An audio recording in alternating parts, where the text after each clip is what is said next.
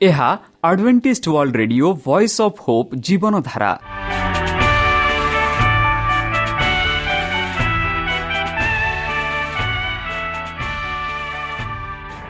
Odia radio କାର୍ଯ୍ୟକ୍ରମ ଯାହା ଆମର ଆନ୍ତର୍ଜାତୀୟ ଆଘାତ କେନ୍ଦ୍ରରୁ ପ୍ରସାରଣ କରାଯାଉଛି ପ୍ରତିଦିନ ରାତି ନଅଟା ତିରିଶ ମିନିଟ୍ରେ। ମୁଁ ସୁବ୍ରତ କୁମାର ପତି ପ୍ରେମର ସହ ଆପଣମାନଙ୍କୁ ଏହି କାର୍ଯ୍ୟକ୍ରମକୁ ସ୍ୱାଗତ କରୁଅଛି। ଚାଲନ୍ତୁ ଆଜିର ତିରିଶ ମିନିଟ୍ର କାର୍ଯ୍ୟକ୍ରମ ବିଷୟରେ ଜାଣିନେବା। ପ୍ରଥମେ ରଖିଛୁ ଆଧ୍ୟାତ୍ମିକ ଭକ୍ତିମୟ ଗୀତ। ଏହାପରେ ଶୁଣିବା ସ୍ୱାସ୍ଥ୍ୟ ବିଷୟରେ ଯାହା ଆମର ଦୈନିକ ଜୀବନରେ ଅତ୍ୟନ୍ତ ଜରୁରୀ। ଆଉ ପରିଶେଷରେ ଶୁଣିବା ପରମେଶ୍ୱରଙ୍କ ଭକ୍ତଙ୍କଠାରୁ ଜୀବନଦାୟକ ଈଶ୍ୱରଙ୍କ ବାକ୍ୟ। ପ୍ରିୟ ଶ୍ରୋତା ତାହେଲେ ଚାଲନ୍ତୁ ଶୁଣିବା ଏକ ଆଧ୍ୟାତ୍ମିକ ଭକ୍ତିମୟ ଗୀତ। ଗୀତ ସଂହିତା ଏକଷଠି ଗୀତ। ମୋହର ସଙ୍କଟ ସମୟରେ ମୁଁ ସଦାପ୍ରଭୁଙ୍କୁ ଡାକିବି। କାରଣ ସେ ମୋର ଆଶ୍ରୟ ଓ ଦୁର୍ଗ ଅଟନ୍ତି। ତାଙ୍କର ପକ୍ଷର ଉହାଡ଼ରେ ସିଏ ମୋତେ ଆଶ୍ରୟ ଦେବେ ଓ ମୁଁ ତାଙ୍କ ଆବାସରେ ପ୍ରବାସ କରିବି।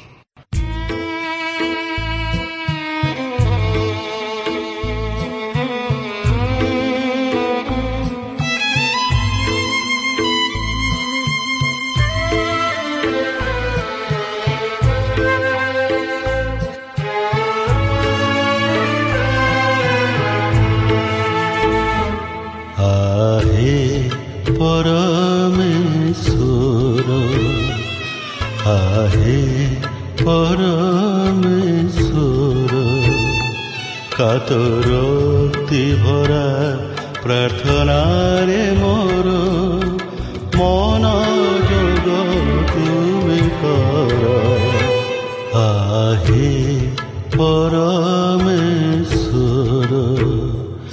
ଆହେ ପରମେଶ୍ୱର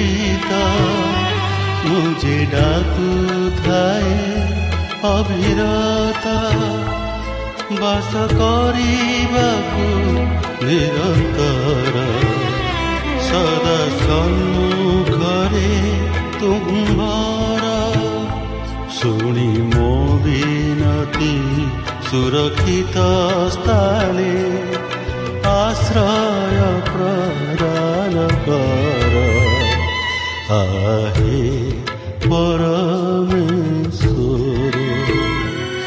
आहे पर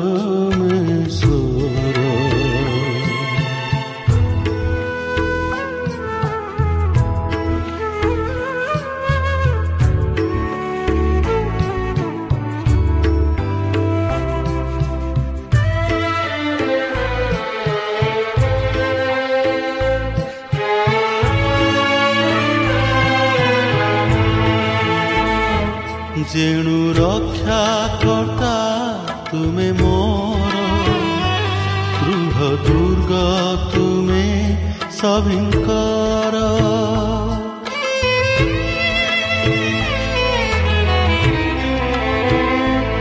ଯେଣୁ ରକ୍ଷା କର୍ତ୍ତା ତୁମେ ମୋର ଦୃଢ଼ ଦୁର୍ଗ ତୁମେ ସଭିଙ୍କର ତୁମ ପକ୍ଷର ଉହାରରେ ବାସ କରିବି ମୁଁ ଆବାସରେ ଦିନ ପରେ ଦିନ କରିବି ପୂରଣ ମାନତ ସକଳ ମୋର ଆହେ ପରମେଶ୍ୱର ଆହେ ପରମେଶ୍ୱର কাতরক্তি ভরা ପ୍ରାର୍ଥନାରେ ମୋର ମନ ଯୋଗ ତୁମେ କର। ଆହେ ପରମେ ଆହେ ପରମେ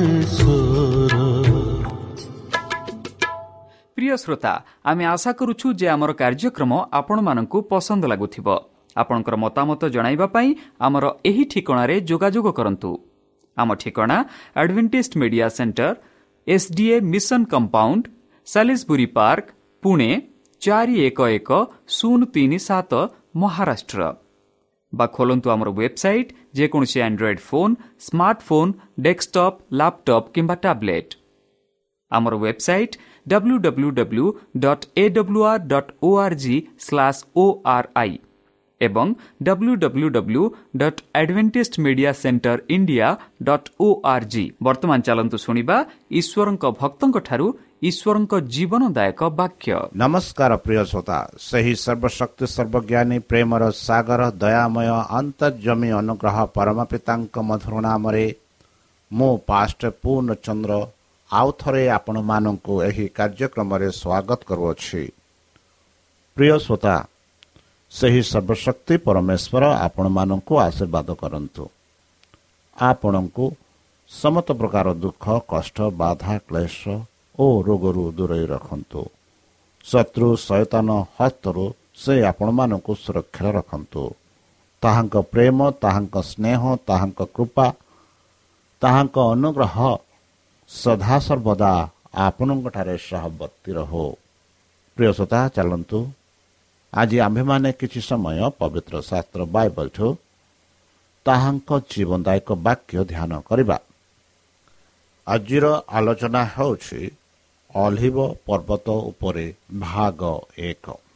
ବନ୍ଧୁ ଯାଜକ ଓ ଶାସକମାନଙ୍କୁ କୃଷ୍ଣଙ୍କ ବାକ୍ୟ ଦେଖ ତୁମର ଘର ତୁମକୁ ଧ୍ୱଂସ କରିଦିଆଯାଇଛି ଏହିପରି ମାଥ୍ୟୁ ତେଇଶ ଅଠତିରିଶରେ କୁହାଯାଉଛି। ସେମାନଙ୍କ ହୃଦୟରେ ଆତଙ୍କ ସୃଷ୍ଟି କରିଥିଲା। ସେମାନେ ଉଦାସୀନତାକୁ ପ୍ରଭାବିତ କଲେ। କିନ୍ତୁ ଏହି ବାକ୍ୟ ଗୁଡ଼ିକର ଆମଦାନୀ ବିଷୟରେ ସେମାନଙ୍କ ମନରେ ପ୍ରଶ୍ନ ଉଠିଥିଲା। ଏକ ଅଦୃଶ୍ୟ ବିପଦ ସେମାନଙ୍କୁ ଧମକ ଦେଇଥିଲା। ଏହା ହୋଇପାରେ କି? ଦେଶର ଗୌରବ ଥିବା ଏହି ଚମତ୍କାର ମନ୍ଦିର ଖୁବ୍ ଶୀଘ୍ର ଧ୍ୱଂସ ବିଷୟରେ ପରିଣତ ହେବ। ମନ୍ଦ ବିଷୟରେ ମନୁଷ୍ୟମାନେ ଅଂଶୀଦାର କଲେ ଏବଂ ସେମାନେ ଉତ୍କଣ୍ଠିତ ଭାବରେ ଯୀଶୁଙ୍କଠାରେ କିଛି ନିର୍ଦ୍ଦିଷ୍ଟ ବକ୍ତବ୍ୟକୁ ଅପେକ୍ଷା କଲେ ସେମାନେ ତାଙ୍କ ସହିତ ମନ୍ଦିର ବାହାରକୁ ଯିବାବେଳେ ସେମାନେ ଏହାର ଶକ୍ତି ଏବଂ ସୌନ୍ଦର୍ଯ୍ୟ ପ୍ରତି ଧ୍ୟାନ ଦେଇଥିଲେ ମନ୍ଦିରର ପଥର ଗୁଡ଼ିକ ଶୁଦ୍ଧ ମାର୍ବଲରୁ ସମ୍ପୂର୍ଣ୍ଣ ଶୁକ୍ଲତା ଏବଂ ସେଥିମଧ୍ୟରୁ କିଛି ଚମତ୍କାର ଆକାରର ଥିଲା। କାନ୍ଥର ଏକ ଅଂଶ ନବକୁନିସଙ୍କ ସୈନ୍ୟ ଦଳ ଦ୍ୱାରା ଘେରି ଦିଆଯାଇଥିଲା। ଏହାର ସମ୍ପୂର୍ଣ୍ଣ ଚୁକ୍ତିରେ ଏହା ଏକ କଠିନ ପଥର ପରି ଦେଖାଗଲା ଯାହା ଖଣିରୁ ସମ୍ପୂର୍ଣ୍ଣ ଖୋଲା ଯାଇଥିଲା। ଶିଷ୍ୟମାନେ କିପରି ବୁଝିପାରିଲେ ନାହିଁ ସେହି ଶକ୍ତିଶାଳୀ କାନ୍ଥ ଗୁଡ଼ିକ କିପରି ଭାଙ୍ଗି ଦିଆଯିବ? ଯେହେତୁ କୃଷ୍ଣଙ୍କ ଧ୍ୟାନ ମନ୍ଦିର ମହିମା ପ୍ରତି ଆକର୍ଷିତ ହୋଇଥିଲା ସେହି ପ୍ରତ୍ୟାଖ୍ୟାନର ଅବିସ୍ମରଣୀୟ ଚିନ୍ତାଧାରା କ'ଣ ହୋଇଥାନ୍ତା? ତାଙ୍କ ଆଗରେ ଦୃଶ୍ୟ ପ୍ରକୃତରେ ସୁନ୍ଦର ଥିଲା କିନ୍ତୁ ସେ ଦୁଃଖରେ କହିଥିଲେ ମୁଁ ଏହା ସବୁ ଦେଖୁଛି। କୋଠା ଗୁଡ଼ିକ ପ୍ରକୃତରେ ଚମତ୍କାର। ତୁମେ ଏହି କାନ୍ଥ ଗୁଡ଼ିକୁ ବୋଧ ହୁଏ ଅବିସ୍ମରଣୀୟ ବୋଲି ସୂଚାଇଛ। କିନ୍ତୁ ମୋର ବାକ୍ୟ ଶୁଣ। ଦିନ ଆସିବ ଯେତେବେଳେ ଗୋଟିଏ ପଥର ଅନ୍ୟ ପଥର ଉପରେ ରହିବ ନାହିଁ ଯାହା ତଳେ ପକାଯିବ ନାହିଁ। ବହୁ ସଂଖ୍ୟକ ଲୋକଙ୍କ କଥା ଶୁଣି ଖ୍ରୀଷ୍ଟଙ୍କ କଥା କୁହାଯାଉଥିଲା କିନ୍ତୁ ସେ ଏକାକି ଥିବା ବେଳେ ପିତର ଜହନ ଜାକୁବ ଏବଂ ଆଣ୍ଡ୍ରିଓ ଅଲିଭ ପର୍ବତ ଉପରେ ବସିଥିବା ସମୟରେ ତାଙ୍କ ନିକଟକୁ ଆସିଲେ।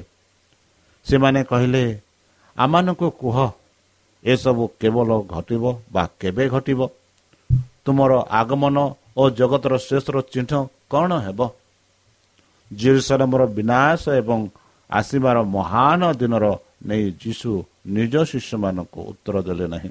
ସେ ଏହି ଦୁଇଟି ଘଟଣାର ବର୍ଣ୍ଣନାକୁ ମିଶ୍ରିତ କରିଥିଲେ।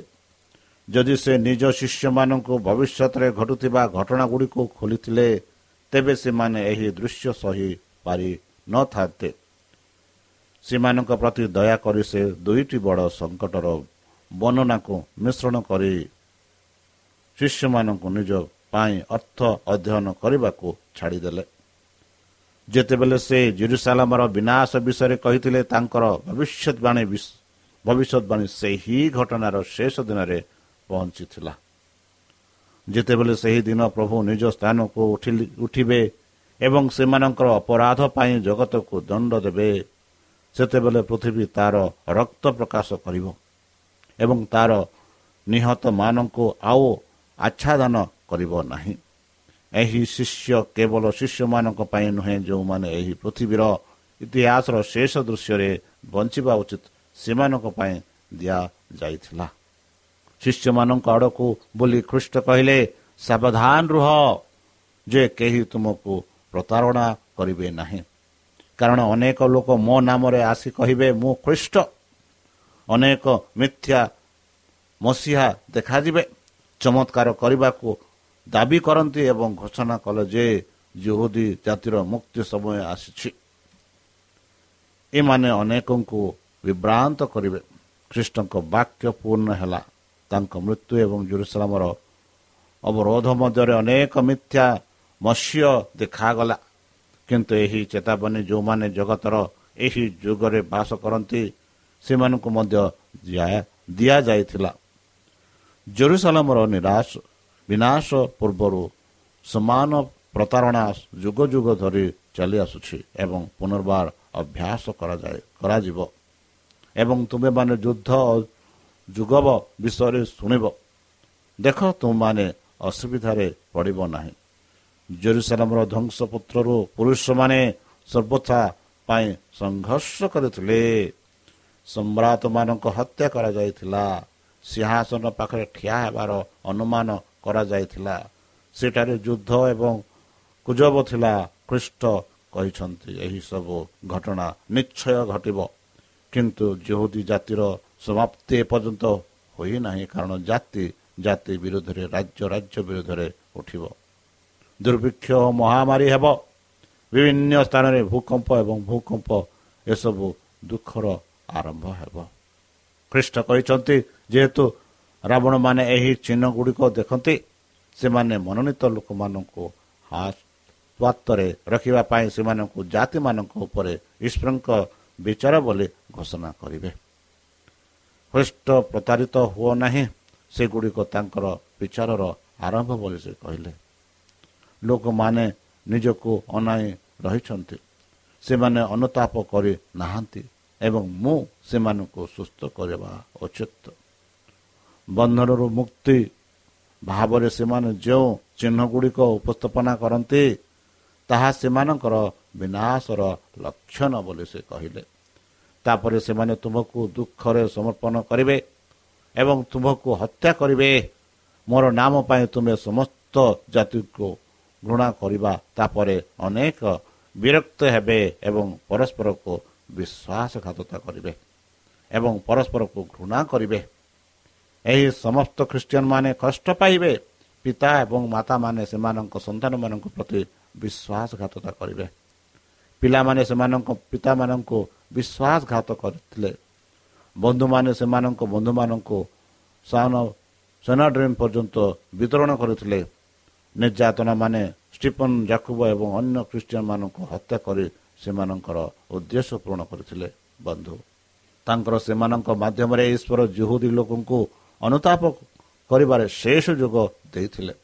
ଗିରଫ ସେମାନଙ୍କ ବିଚାର ଏବଂ କାରାଗାରରେ ସେ ନିଜ ସାକ୍ଷୀମାନଙ୍କ ମାଧ୍ୟମରେ ନିଜକୁ ପ୍ରକାଶ କରିଥିଲେ।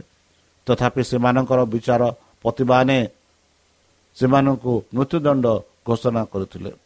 ସେମାନେ ଏପରି ଲୋକ ଥିଲେ ଯେଉଁମାନେ ଯେଉଁମାନଙ୍କ ପାଇଁ ଜଗତ ଯୋଗ୍ୟ ନଥିଲା ଏବଂ ସେମାନଙ୍କୁ ହତ୍ୟା କରି ଯେଉଁଦୀମାନେ ଈଶ୍ୱରଙ୍କ ପୁତ୍ରଙ୍କୁ କୃଷରେ ଚଢ଼େଇଲେ। ତେଣୁ ଏହା ପୁଣି ହେବ। ଧାର୍ମିକ ସ୍ୱାଧୀନତାକୁ ସୀମିତ ରଖିବା ପାଇଁ କର୍ତ୍ତୃପକ୍ଷ ଆଇନ ପ୍ରସ୍ତୁତ କରାଇବେ। ସେମାନେ ଅଧିକାର ଗ୍ରହଣ କରିବେ ଯାହା କେବଳ ଈଶ୍ୱର ଅଟେ।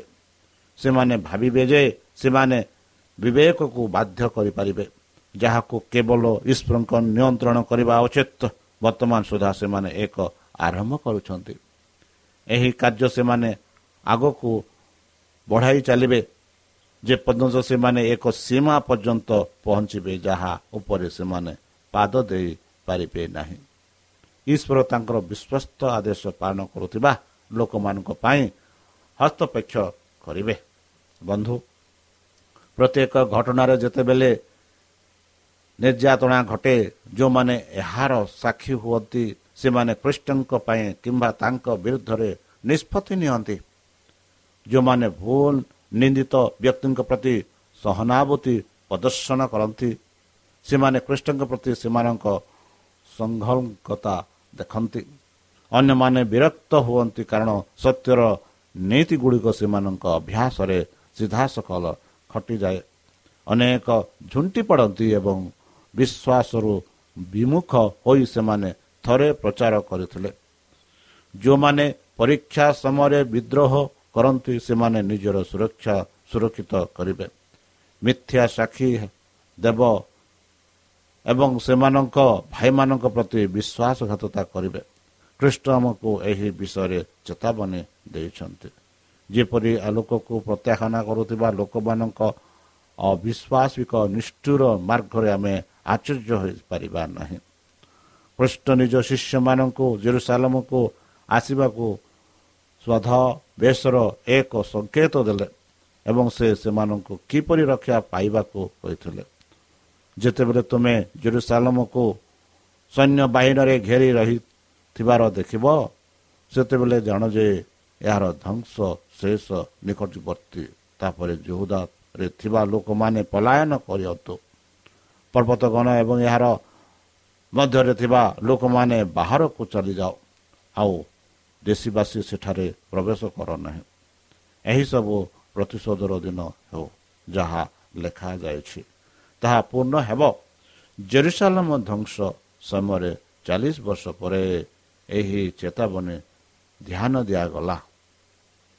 ଖ୍ରୀଷ୍ଟିଆନ ମାନେ ଚେତାବନୀକୁ ମାନିଲେ ଏବଂ ସହରର ପତନରେ ଜଣେ ଖ୍ରୀଷ୍ଟିଆନ ବିନଷ୍ଟ ହେଲେ ନାହିଁ।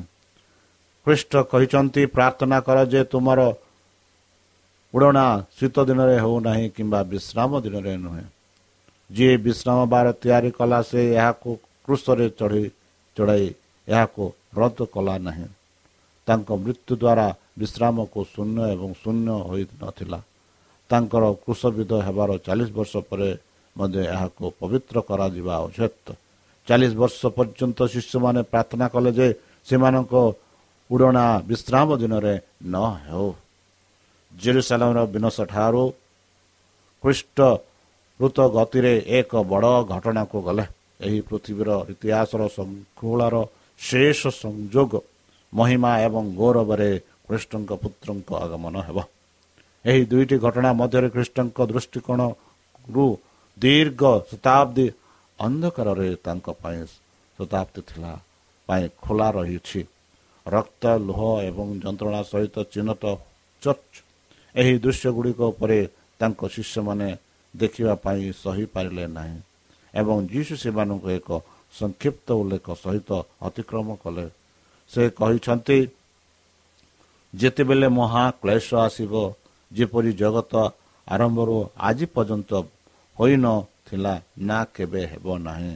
ଆଉ ସେହି ଦିନ ଗୁଡ଼ିକୁ ଛୋଟ କରାଯିବ ବ୍ୟତୀତ କୌଣସି ମାଂସ ରକ୍ଷା ପାଇବ ନାହିଁ। ସେହି ଦିନ ମନୋନୀତ ବ୍ୟକ୍ତିଙ୍କ ପାଇଁ ଛୋଟ ହେବ। ଏକ ହଜାର ବର୍ଷରୁ ଅଧିକ ସମୟ ଏହି ଏପରି ନିର୍ଯାତନା ଯେପରି ଜଗତ ପୂର୍ବରୁ ଜାଣିନଥିଲା। ଖ୍ରୀଷ୍ଟଙ୍କ ଅନୁଗାମୀମାନଙ୍କ ଉପରେ ତାଙ୍କର ବିଶ୍ୱସ୍ତ ସାକ୍ଷୀମାନଙ୍କ ଉପରେ ଲକ୍ଷ ଲକ୍ଷ ଲୋକଙ୍କ ହତ୍ୟା କରାଯାଇଥିଲା। ଯଦି ତାଙ୍କ ଲୋକମାନଙ୍କୁ ରକ୍ଷା କରିବା ପାଇଁ ଈଶ୍ୱରଙ୍କ ହାତ ବିସ୍ତାର ହୋଇନଥାନ୍ତା ତେବେ ସମସ୍ତେ ବିନଷ୍ଟ ହୋଇନଥାନ୍ତେ। ସେ କହିଛନ୍ତି କିନ୍ତୁ ମନୋନୀତ ବ୍ୟକ୍ତିଙ୍କ ଉଦ୍ଦେଶ୍ୟରେ ସେହି ଦିନ ଗୁଡ଼ିକ ଛୋଟ ହେବ। ବର୍ତ୍ତମାନ ଅବିସ୍ମରଣୀୟ ଭାଷାରେ ଆମର ପ୍ରଭୁ ତାଙ୍କ ଦ୍ୱିତୀୟ ଆଗମନ ବିଷୟରେ କୁହନ୍ତି। ଏବଂ ସେ ଜଗତକୁ ଆସିବା ପୂର୍ବରୁ ବିପଦ ବିଷୟରେ ଚେତାବନୀ ଦେଇଛନ୍ତି।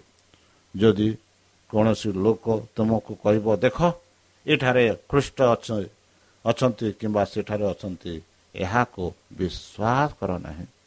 କାରଣ ସେଠାରେ ମିଥ୍ୟ ଖ୍ରୀଷ୍ଟ ଓ ମିଥ୍ୟ ଭବିଷ୍ୟତ ଭକ୍ତମାନେ ଉତ୍ପନ୍ନ ହେବେ ଏବଂ ସେମାନେ ବଡ଼ ଚିହ୍ନ ଓ ଆଚର୍ଯ୍ୟ ପ୍ରଦର୍ଶନ କରିବେ। ମନୋନୀତ ଲୋକଙ୍କୁ ପ୍ରତାରଣା କରିବା ଦେଖ ମୁଁ ଏହା ପୂର୍ବରୁ କହିଥିଲି। ତେଣୁ ଯଦି ସେମାନେ ତୁମକୁ କହିବେ ଦେଖ ସେ ମରୁଭୂମିରେ ଅଛନ୍ତି ପାହାଡ଼କୁ ଯାଅ ନାହିଁ ଦେଖ ସେ ଗୁପ୍ତ କୋଠରୀରେ ଅଛନ୍ତି ଏହାକୁ ବିଶ୍ୱାସ କର ନାହିଁ। ପୂର୍ବ ଦିଗରୁ ବିଜୁଳି ଓ ପଶ୍ଚିମ ଦିଗରୁ ଆଲୋକ ହୁଏ ମଣିଷ ପୁତ୍ରଙ୍କ ଆଗମନ ମଧ୍ୟ ସେହିପରି ଘଟିବ।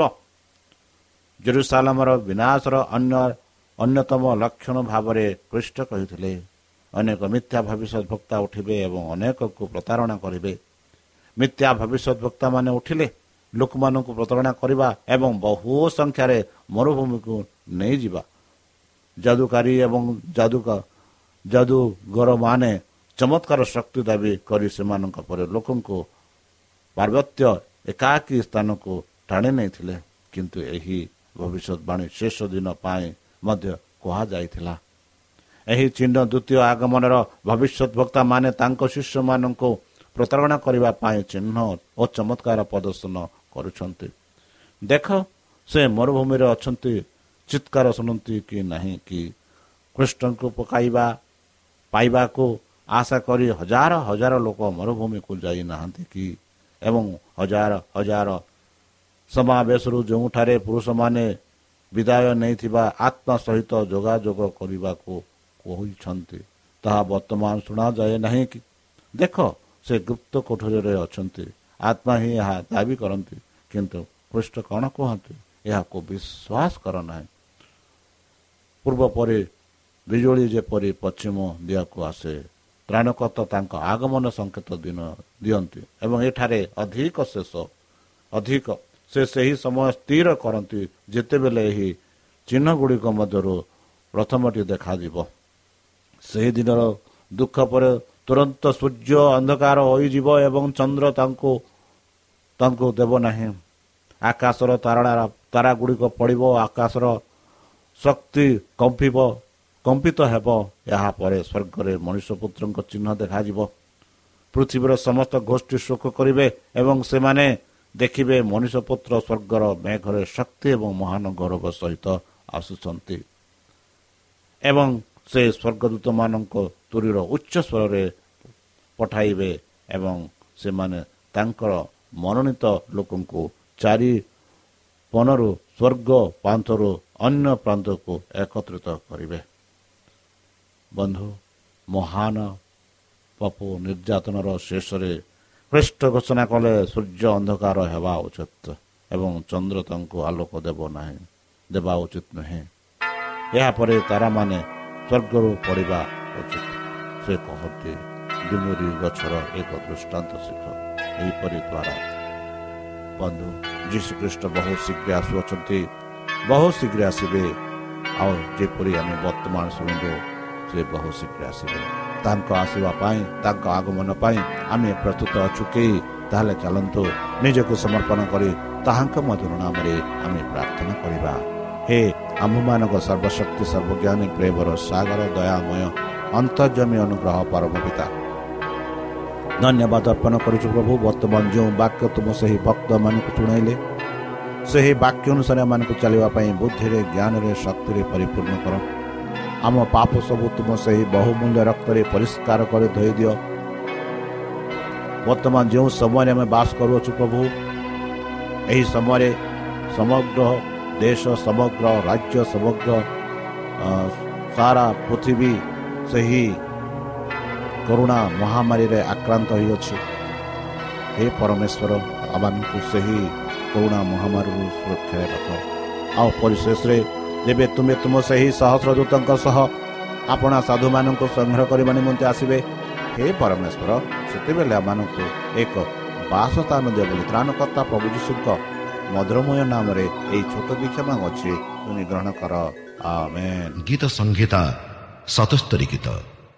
ମୁଁ ଯେବେ ଉଚ୍ଚ ସ୍ୱରରେ ସଦାପ୍ରଭୁଙ୍କୁ ଡାକ ପକାଏ ସଙ୍କଟ ସମୟରେ ଯେବେ ମୋର ପ୍ରାଣ ବ୍ୟତୀତ ହୁଏ ସେତେବେଳେ ମୁଁ ତାହାଙ୍କ କୃତ ଆଶ୍ଚର୍ଯ୍ୟ କାର୍ଯ୍ୟକୁ ମନେ ପକାଏ ଓ ଆଶ୍ୱାସନ ପାଏ।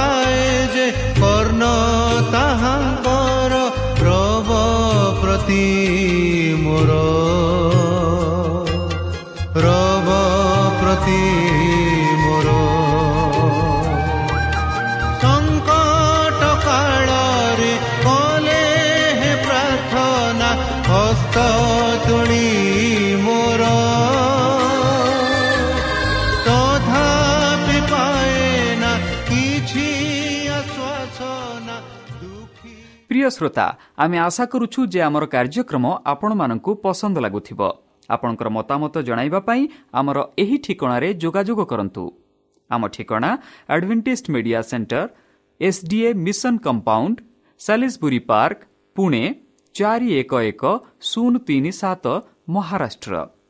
ବା ଖୋଲନ୍ତୁ ଆମର ୱେବସାଇଟ୍, ଯେକୌଣସି Android phone, smartphone, desktop laptop କିମ୍ବା ଟ୍ୟାବ୍ଲେଟ୍ ଆମର ୱେବସାଇଟ୍ www.awr.org/ori এবং www.adventistmediacentterindia.org ଆଡ଼ଭେଣ୍ଟେଜ୍ ମିଡ଼ିଆ ସେଣ୍ଟର ଇଣ୍ଡିଆର ସ୍ପେଲିଂ ହେଉଛି A D V E N T I S T M E D I A C E N T R E I N D I A ଅଥବା download କରନ୍ତୁ ଆମର mobile app आपणकर mobile play store को जातु आउ करन्तु करतु the voice of hope आउ डाउनलोड करतु ईश्वर आपण आशीर्वाद करतु धन्यवाद